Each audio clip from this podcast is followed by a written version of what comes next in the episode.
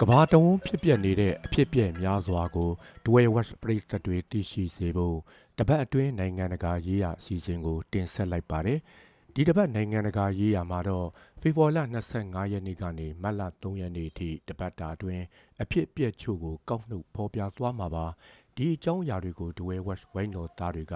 စီစဉ်တင်ဆက်ထားတာဖြစ်ပါတယ်။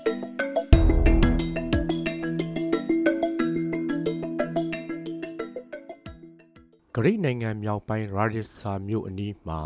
ခီးတဲ့တင်ယထာနဲ့ဂုံတင်ယထာတို့ဖေဖော်ဝါရီ28ရက်နေ့ကတိုက်မိလို့အ ਨੇ ဆုံးလူ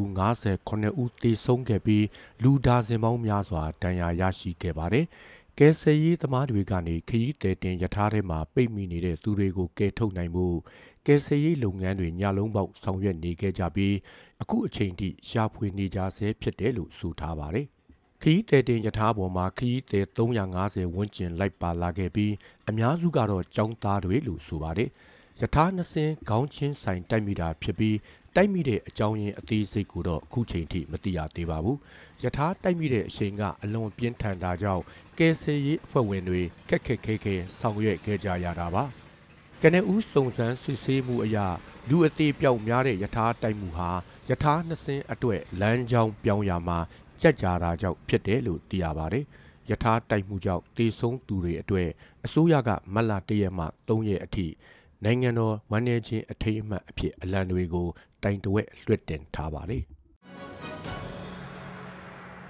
158နှစ်တက်တန်းရှိတဲ့ဂျပန်ရိုးရာတဲခိုခန်းတစ်ခုမှာဘက်တီးရီးယားပိုးတွေပြည့်နှက်နေတာကို တွေ့ရှိခဲ့ပြီးတဲ့နောက်ရေဘူးစမ်းကရေတွေကိုတစ်နှစ်ကိုနှစ်ကြိမ်ပဲလဲလှယ်ခဲ့မိတဲ့အတွက် တဲခိုခန်းတတိကနေတောင်းပန်ခဲ့ပါတယ်။အန်ဆန်ရဲ့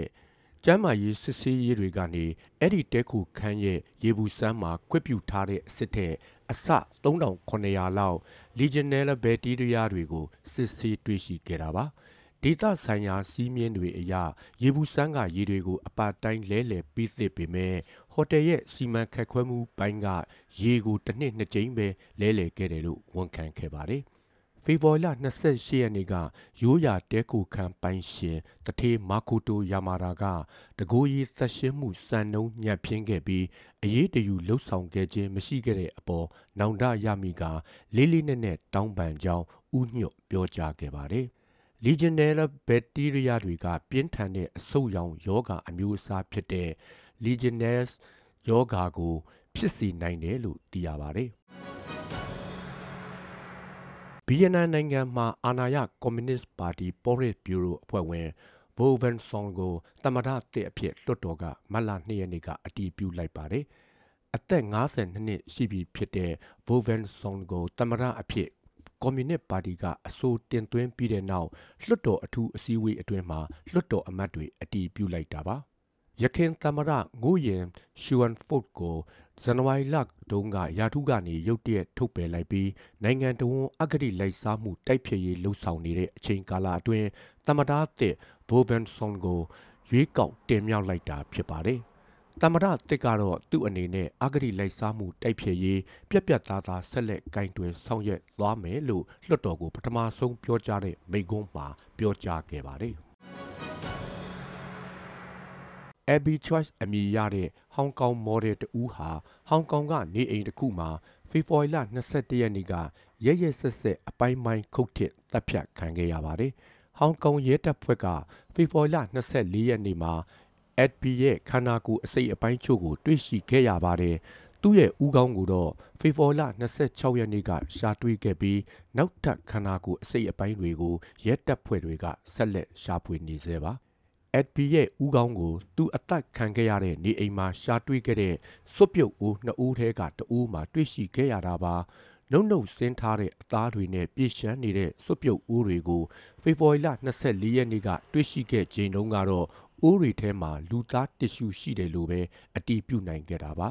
အက်ဘီရဲ့လက်တွေနဲ့ရင်ပိုင်းတွေကိုတော့ရှာမတွေ့သေးပါဘူး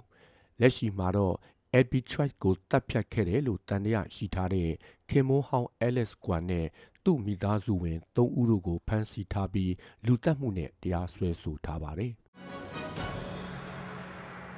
TikTok လူမှုကွန်ရက် app ကိုအမေရိကန်အစိုးရသုံးလက်ကင်ဖုန်းနဲ့ဆက်သွယ်ရေးပစ္စည်းတွေစနစ်တွေကနေရက်30အတွင်းဖယ်ရှားဖို့အိမ်ဖြူတော်ကအစိုးရဌာနတွေကိုဖေဖော်ဝါရီလ28ရက်ကညွှန်ကြားချက်ထုတ်လိုက်ပါတယ်။ တရုတ်ကုမ္ပဏီပိုင် TikTok app သုံးတာစိုက်ဘာလုံခြုံရေးအတွက်စိတ်မချရဘူးဆိုပြီးအသုံးပြုမှုကိုတားမြစ်ဖို့အမေရိကန်လွှတ်တော်ကအတည်ပြုခဲ့ပြီးတဲ့နောက်အခုလိုအိမ်ဖြူတော်ကညွှန်ကြားချက်ထုတ်ခဲ့တာပါ။တရားဥပဒေစိုးမိုးရေးအဖွဲ့တွေလိုအပ်လို့သုံးတာအမျိုးသားလုံခြုံရေးနဲ့သုတေသနလိုအပ်ချက်အရသုံးတာမျိုးကလွဲရင်သုံးခွင့်မရှိဘူးလို့အမေရိကန်အစိုးရကညွှန်ကြားထားပါတယ်။အမေရိကန်ပြည်သူတွေရဲ့လုံခြုံရေးနဲ့ကိုယ်ရေးကိုယ်တာအချက်အလက်တွေကာကွယ်ဖို့ digital အခြေခံလုံခြုံရေးအရာဆောင်ရွက်တာဖြစ်တယ်လို့ပြောကြားထားပါတယ်။